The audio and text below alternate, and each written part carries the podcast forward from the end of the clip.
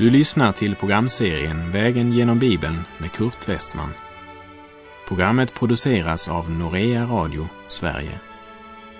Vi befinner oss nu i profeten Jesajas bok. Slå gärna upp din bibel och följ med. Vi har nu kommit till Jesaja kapitel 12 som avslutar den serie av profetior som började med kapitel 7 och som talade om Guds dom över det folk som avfallit från honom. I kapitel 11 som vi vandrade genom i förra programmet såg vi hur Kristus kom och upprättade sitt jordiska fridsrike. Riket där Herren Jesus personligen ska regera under tusen år. Här i kapitel 12 är vedermödans tid över och vilddjuret som tillsammans med den falske profeten hade vilselett folket är nu gripna och levande kastade i eldsjön som brinner av svavel. Vi läser från Johannes uppenbarelsebok 20, vers 1 till och med 3. Och jag såg en ängel komma ner från himlen med nyckeln till avgrunden och en stor kedja i handen. Och han grep draken, den gamle ormen, det är djävulen och Satan, och band honom för tusen år. Sedan kastade ängeln honom i avgrunden, stängde till den och förseglade den över honom, för att han inte längre skulle bedra folken förrän de tusen åren hade nått sitt slut. Därefter släpptes han lös för en kort tid. Här i Jesaja 12 kapitel är djävulen bunden och Sion är jordens centrum. Israel prisar, tillber och lovsjunger sin Gud. Och Israel samlas i templet, inte vid klagomuren som de gör idag. Men här i Jesaja 12 är tårarna torkade. Idag står judarna vid klagomuren, vilket säger oss att profetian om Israels återvändande till landet ännu inte är uppfyllt. Men det ska bokstavligen uppfyllas och jag tror inte det dröjer länge.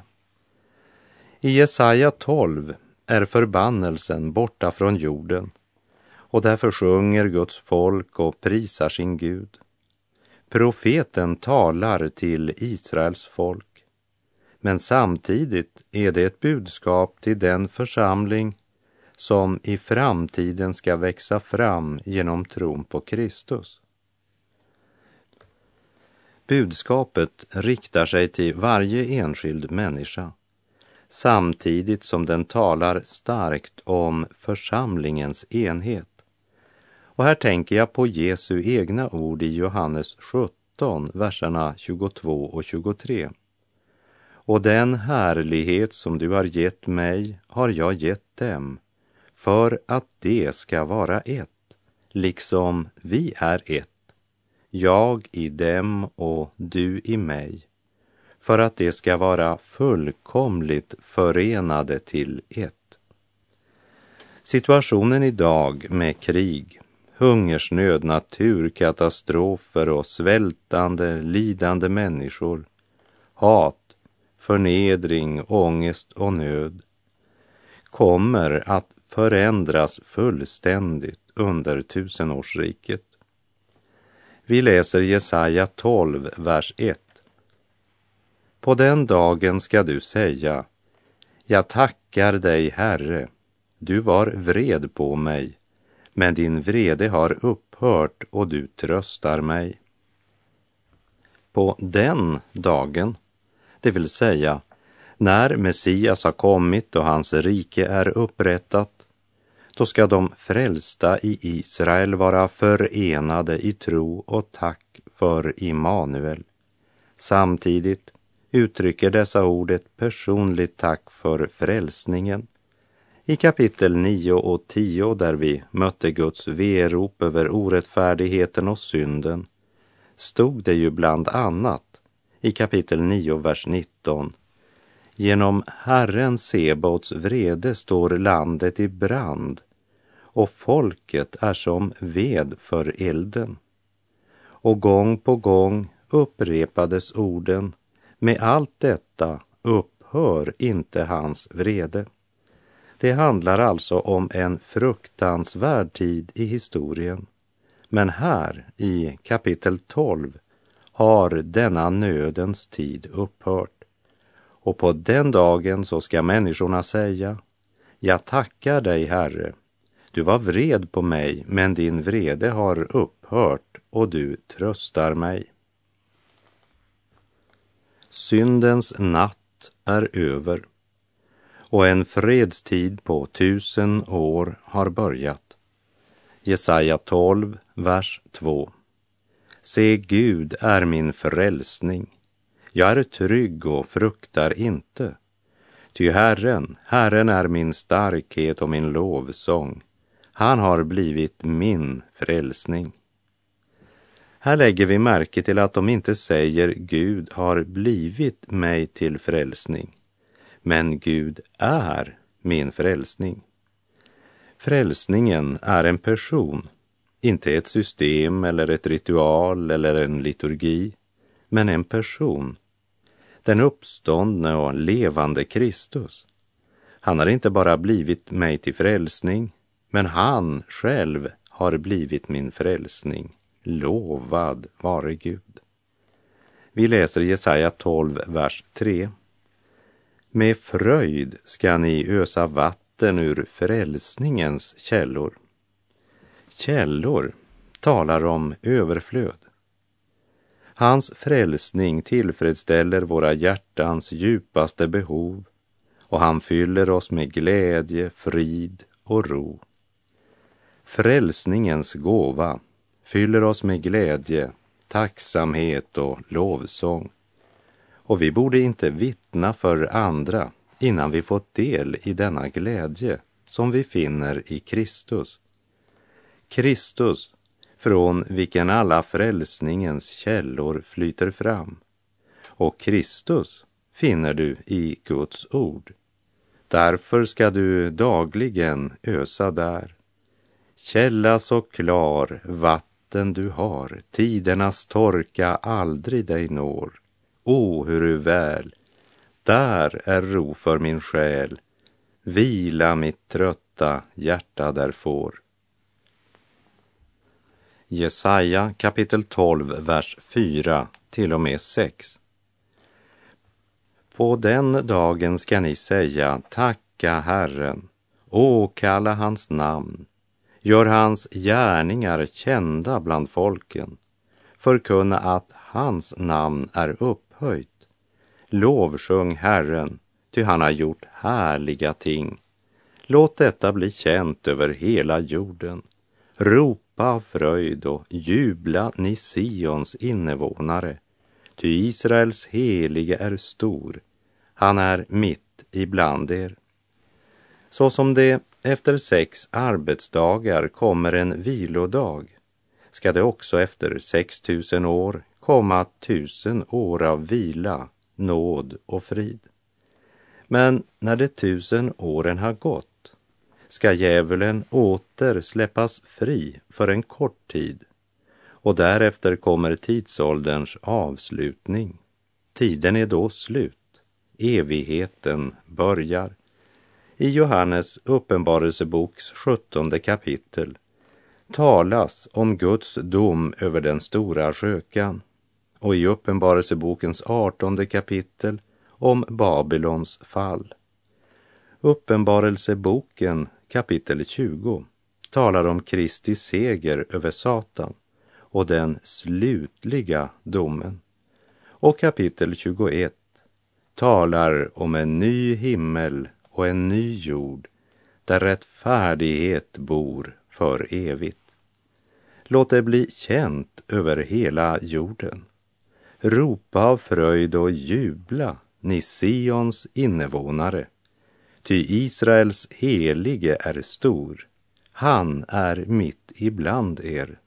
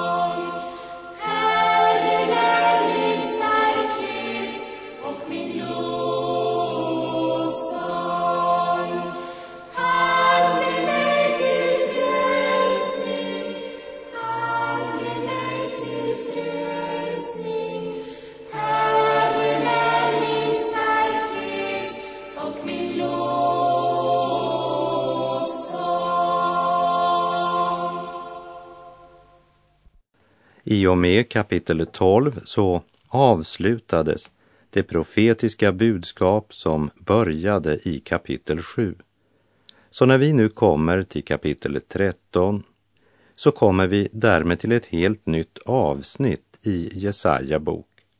Och i denna profetia om Babel så ligger dels den sanningen att Gud i en nära förestående framtid skulle göra slut på Babels stolta övermod när de drabbades av Herrens vrede. Samtidigt så är det en framtidsprofetia som pekar helt fram till det ögonblick då Gud slutligen dömer all synd och upprättar sitt eviga rike.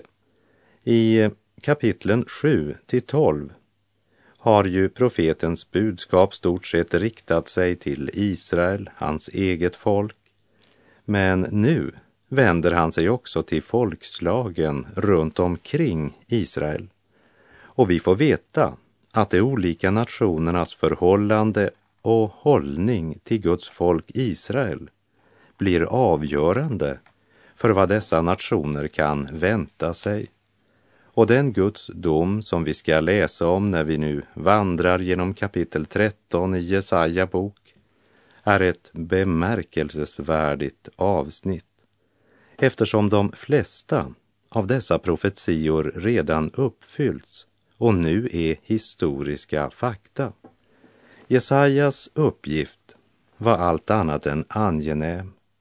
Det var inget behagligt budskap han fått att förkunna. För med detta budskap så kunde han inte vinna sig vänner bland de inflytelserika. Men Guds profeter är ju inte heller kallade att vara publikfriare. Vi läser Jesaja 13, vers 1. Profetia om Babel som Jesaja, Amos son, skådade. Ordet Babel används dels som den stora metropolen vid Eufrats nedre lopp som låg cirka nio mil söder om nuvarande Bagdad. Men ordet Babel används också i betydelsen av hela det babyloniska riket.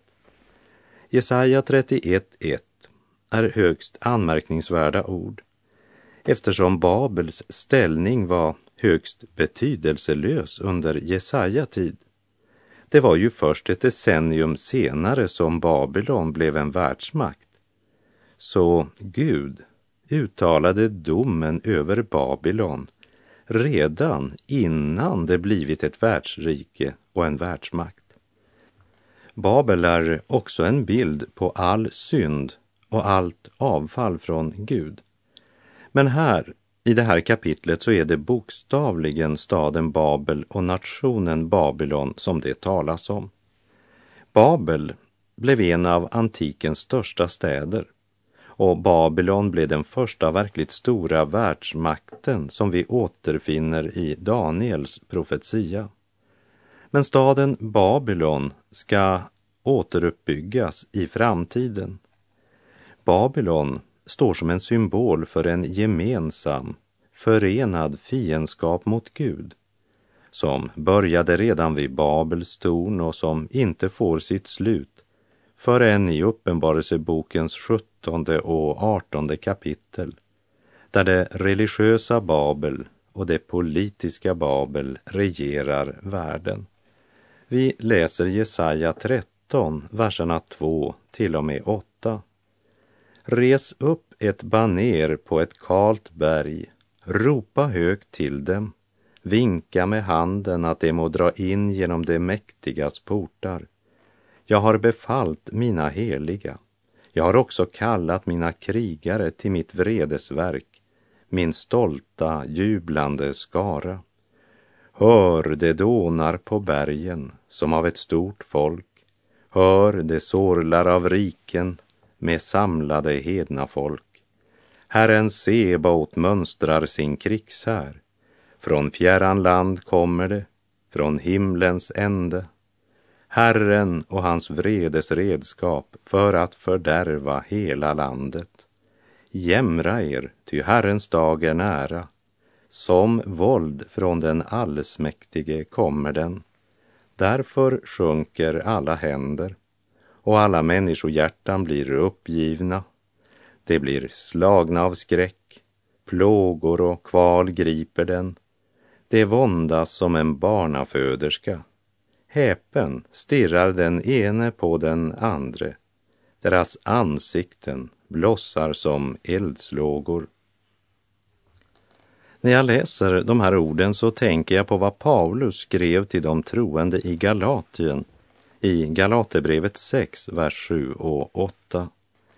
Bedra inte er själva, Gud bedrar man inte. Det människan sår ska hon också skörda. Den som sår i sitt kötts åker skall av köttet skörda undergång, men den som sår i Andens åker skall av Anden skörda evigt liv. Vi läser Jesaja kapitel 13, vers 9 och 10. Se, Herrens dag kommer, fruktansvärd med förbittring och brinnande vrede, för att ödelägga landet och utrota syndarna som bor där. Ty himmelens stjärnor och stjärnbilder sänder inte mer sitt ljus. Solen går upp mörk och månens ljus lyser inte. Den slutliga uppfyllelsen av det här i den yttersta tiden, det beskrivs så här av Jesus själv i Matteus 24, verserna 29 och 30. Strax efter de dagarnas nöd skall solen förmörkas och månen inte ge sitt sken. Stjärnorna ska falla från himlen och himlens krafter skall skakas. Då ska Människosonens tecken synas på himlen och jordens alla folk skall jämra sig när de ser Människosonen komma på himlens moln med stor makt och härlighet. Den nödens och prövningarnas tid som Jesaja profeterar snart skall komma över Israel är bara en skugga av det som ska komma över jorden när Herrens dag kommer. För då är det inte bara Babel som kallas att göra upp, men varje enskild syndare. Gud ska en dag hålla dom över synden.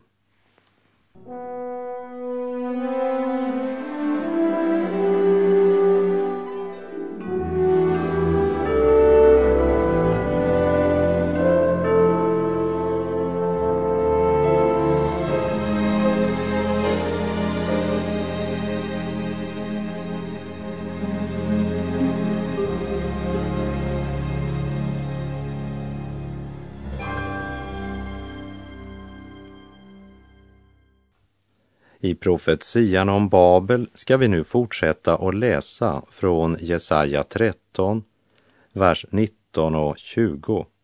Med Babel, rikenas krona, kaldéernas vackra stolthet, ska det gå som när Gud omstörtade Sodom och Gomorra. Aldrig mer ska det bli bebyggt.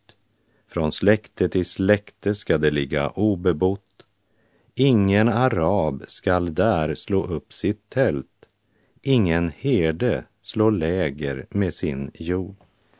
Profeten kungör Guds dom över Babel. Folkmassorna som Babel samlat med våld och makt kan inte längre hållas samman. Babel kan inte bestå när Gud dömer synden. Men om Babylon eller Babel ödeläggs så grundligt att det blir sagt att det aldrig mer skall bli bebyggt igen. Hur kan Babel då träda fram i den yttersta tiden igen? I Första Mosebok kapitel 10 är det första gången vi möter Babel. Och vi kommer att möta det om och om igen i Bibeln, helt fram till Uppenbarelsebokens artonde kapitel, där vi läser om Babylons fall. Men det Babylon som vi läser om i Gamla testamentet är inte detsamma som det som omtalas i Uppenbarelseboken. Det första är namnet på en stad och det andra är namnet på ett system. Men det är viktigt för oss att observera att Babylon alltid står i fiendskap mot Gud och Guds folk. Och i Jesaja profetia om Babels fall läser vi Jesaja 14, verserna 1 till och med 7. Herren ska förbarma sig över Jakob och ännu en gång utvälja Israel och låta dem få bo i deras eget land. Främlingar ska sluta sig till dem och hålla sig till Jakobs hus. Folken ska ta dem och föra dem hem och Israels hus skall få dem som sin egendom i Herrens land som tjänare och tjänarinnor. Så ska deras fångvaktare bli deras fångar och de ska råda över sina förtryckare. På den dag då Herren ger dig ro från din smärta och oro, från det hårda arbete som har varit lagt på dig, ska du stämma upp denna visa över kungen i Babel och säga, hur har inte förtryckaren fått ett slut och indrivningen av guld en ände? Herren har brutit sönder det ogudaktiga stav, tyrannernas ris som i grymhet slog folken med slag på slag och i sin vrede härskade över folkslagen med skoningslös förföljelse. Hela jorden har fått vila och ro, man brister ut i jubel. Babel i Jesaja bok är en stad i bokstavlig mening, medan Babel i Uppenbarelseboken är ett politiskt och religiöst system en fiendskap mot Gud. Vi kan säga att Babels stad och Jerusalems stad är två absoluta motpoler. Och det framtida Babylon eller Babel kommer att bli ett uppmärksammat centrum och syndens människa, också kallad Antikrist, kommer att för en tid suveränt regera över detta rike.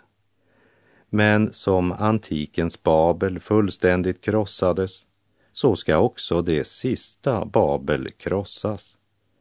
Men om Jakob, Guds Israel, blir det alltså sagt att folken ska ta dem och föra dem hem. Och redan idag är det många organisationer och människor som är involverade i att hjälpa judarna hem men ännu fler som motarbetar. Till och med England, när de hade mandat i landet, nekade judar att återvända efter andra världskriget. Men många reste i alla fall eftersom de inte hade någon annanstans att vända sig. Under fiendskap från de kringliggande nationerna, motarbetade av England, började man med svett svett och tårar ett mycket svårt återuppbyggnadsarbete. Guds utvalda folk har genom historien haft de flesta nationer mot sig och tyvärr också de flesta människor. Och Gud ska uppfylla sitt löfte. Herren ska förbarma sig över Jakob och ännu en gång utvälja Israel och låta dem bo i deras eget land. Och även om Luther och många andra inbillat sig att Israels tid som nation är förbi, så ska också detta löfte uppfyllas bokstavligt. Det kan du lita på.